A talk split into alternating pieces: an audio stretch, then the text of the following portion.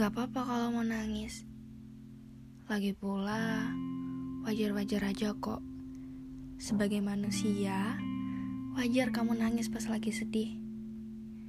Dipuas-puasin dulu gak apa-apa.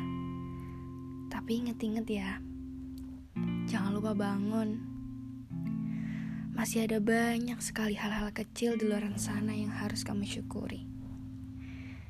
Daripada nangisin hal-hal yang sudah hilang, lebih baik kamu mulai bangun dan mensyukuri apa yang masih kamu miliki.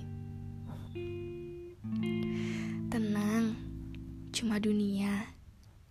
Jangan merasa memiliki. Kan semua punya Tuhan.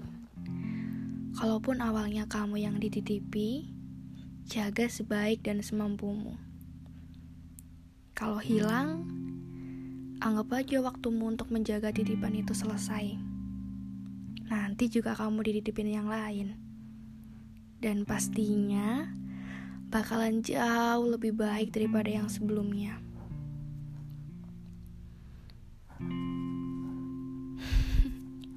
Ingat-ingat ya, Tuhan tuh selalu ngasih yang terbaik untuk setiap hambanya.